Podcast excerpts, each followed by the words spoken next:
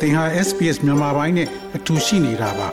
sbs.com.au/burmese မှာပုံမထူးခဲ့တဲ့သတင်းစာမားတွေကိုရှားဖွေပါ SBS မြန်မာပိုင်းကို အင်ကာနဲ့စနေနေ့ည10:00နာရီမှနားဆင်နိုင်တယ်လို့အွန်လိုင်းကနေလည်းအချိန်မီနားဆင်နိုင်ပါပြီ။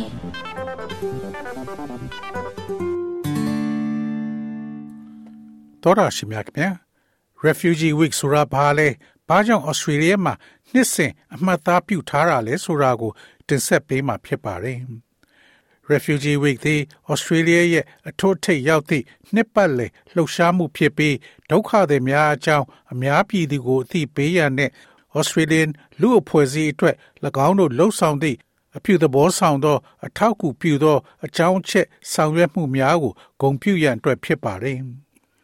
နှစ်စဉ်နှစ်တိုင်းလူသန်းပေါင်းများစွာသည်ဘေးလွတ်ရာကိုရှာဖွေရန်၎င်းတို့ရဲ့နေအိမ်များကိုစွန့်ခွာထွက်ပြေးနေကြရပါတယ်။ Australia ရှိ Refugee Week သည်ဇွန်လ20ရက်နေ့မှဖြစ်ပြီး World Refugee Day ပါဝင်သောရက်သပတ်တွင်တနင်္ဂနွေနေ့မှစနေနေ့ထိအမြဲတမ်းလိုကျင်းပပါတယ်။ပထမဆုံး Refugee Week ပွဲများကို Oscar မှ1986ခုနှစ်တွင် Sydney မြို့တွင်ကျင်းပခဲ့ပါတယ်။ 1989ခုနှစ်တွင်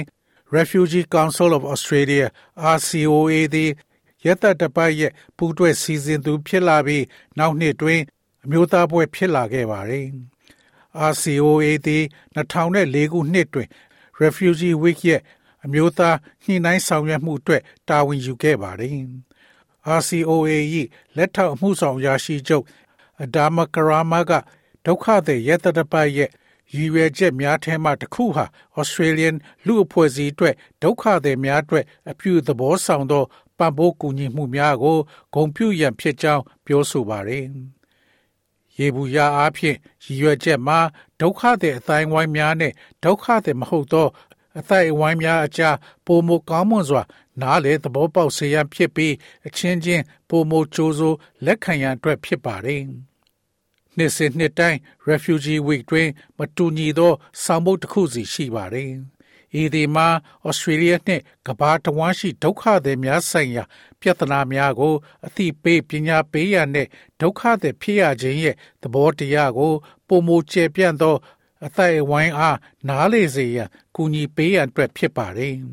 ။ဆောင်ပုဒ်သည်နိုင်ငံတော်ဝန်တွင် ပြန့်နှံ့နိုင်သည့်စီလုံးညီညွတ်ပြီး တသမတ်သေးရှိသော message ကိုရရှိစေပြီးအသိပညာပေးလှုပ်ရှားမှုများနဲ့လှုပ်ရှားမှုများရဲ့အကျိုးသက်ရောက်မှုကို မြင့်တင်ပေးမှာဖြစ်ပါတယ်။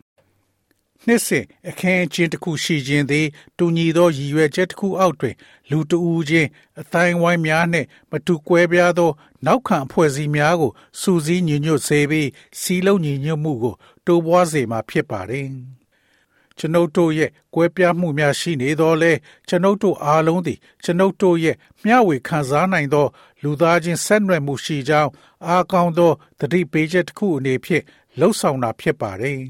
။ Oliver Slewa သည် Sydney အခြေစိုက်ရှေ့နေတူဖြစ်ပြီး Refugee Week ရဲ့တန်တမန်တူဖြစ်ပါတယ်။ သူသည်အီရတ်ရှိအစီရီယန်မိသားစုတွင်ကြီးပြင်းခဲ့ပြီး1994ခုနှစ်တွင်ဩစတြေးလျတွင်ဘေးကင်းလုံခြုံသောခိုနားရာကိုမရှာဖွေမီဂျော်ဒန်တူရကီနှင့်ဂရိတို့ကိုဖျက်ဆီးသွားလာခဲ့ရပါသည်မျိုးဆက်များအကြားစိတ်တန်ရာ သက်သာစေရန်နှစ်ပေါင်းများစွာကြာနိုင်တော်လဲဒုက္ခသည်များသည်၎င်းတို့ရဲ့အခြေချခရီးကိုစတင်လိုက်သည့်နှင့်သက်သာရာရရှိနိုင်တယ်လို့မစ္စတာစလီဝါမှပြောကြားပါတယ်ဒုက္ခသည်များအတွက်ကုစားခြင်းရဲ့အဓိကချက်မှာခံနိုင်ရရှိခြင်းဖြစ်တယ်ဟုယုံကြည်ပြီးဩစတြေးလျတွင်သေအခြေချသည့်နေမှစတင်တယ်လို့ဆိုပါတယ်အခြားသူများနဲ့စကားပြောခြင်းသင်ရဲ့ဇာလမ်းများကိုမျှဝေခြင်း ထိုခရီးကို ထိခိုက်ခြင်းမရှိဘဲ ပွင့်ပွင့်လင်းလင်း ဆွေးနွေးနိုင်ခြင်းနဲ့လက်ခံခြင်းတို့သည် ဒုက္ခသည်များအတွက် ကောင်းသောရလဒ်တစ်ခုဖြစ်ပါတယ်။လက်ခံခြင်း အသိမှတ်ပြုခြင်းနဲ့လေးစားခံရခြင်းက ကုသခြင်းလုပ်ငန်းစဉ်ကို အထောက်အကူဖြစ်စေတယ်လို့ ကျွန်တော်ထင်တယ်ဟု မစ္စတာဆီလ်ဝါကပြောဆိုပါတယ်။ဒုက္ခသည် ရက်သက်တပတ်နှင့် တခြားကာလများတွင် RCOA မှ လှုပ်ဆောင်သည့်မတူညီသော အစီအစဉ်များနှင့်လှုပ်ရှားမှုများစွာလည်းရှိပါတယ်။ Face to Face သည် Refugee Week တခြားလုံးလှုပ်ဆောင်တဲ့အစီအစဉ်များထဲမှတစ်ခုဖြစ်ပါတယ်။၎င်းသည် RCOA တန်တမန်များနှင့်ကိုယ်စားလှယ်များမှတင်ပြခြင်းနှင့်အလုံးယုံဆွေးနွေးပွဲတစ်ခုဖြစ်ပါတယ်။ဒုက္ခသည်များဆိုင်ရာဟောပြောသူများသည်၎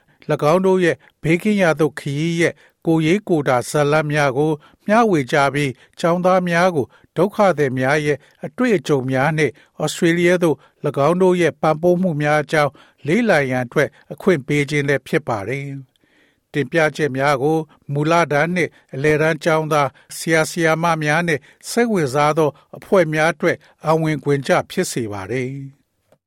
လွန်ခဲ့တဲ့ဆယ်စုနှစ်အတွင်း၎င်းတို့ရဲ့နေရမှ နေရဆုံးခွာသူဦးရေသည်41သန်းမှ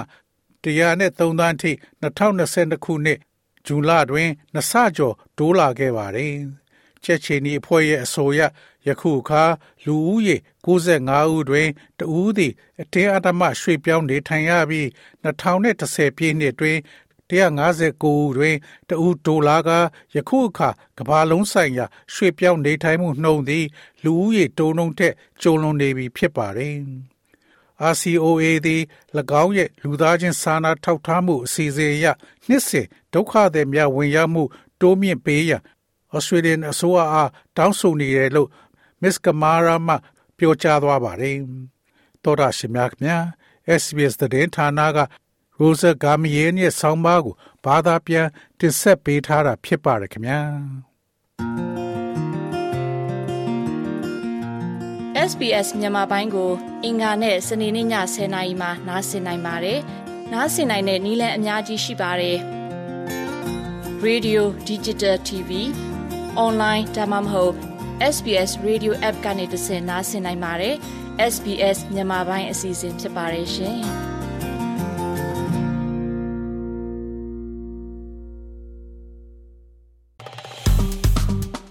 SPS မြန်မာပိုင်းကို Facebook ပေါ်မှာ like ရှာပြီး like မျှဝေမှတ်ချက်ပေးပါ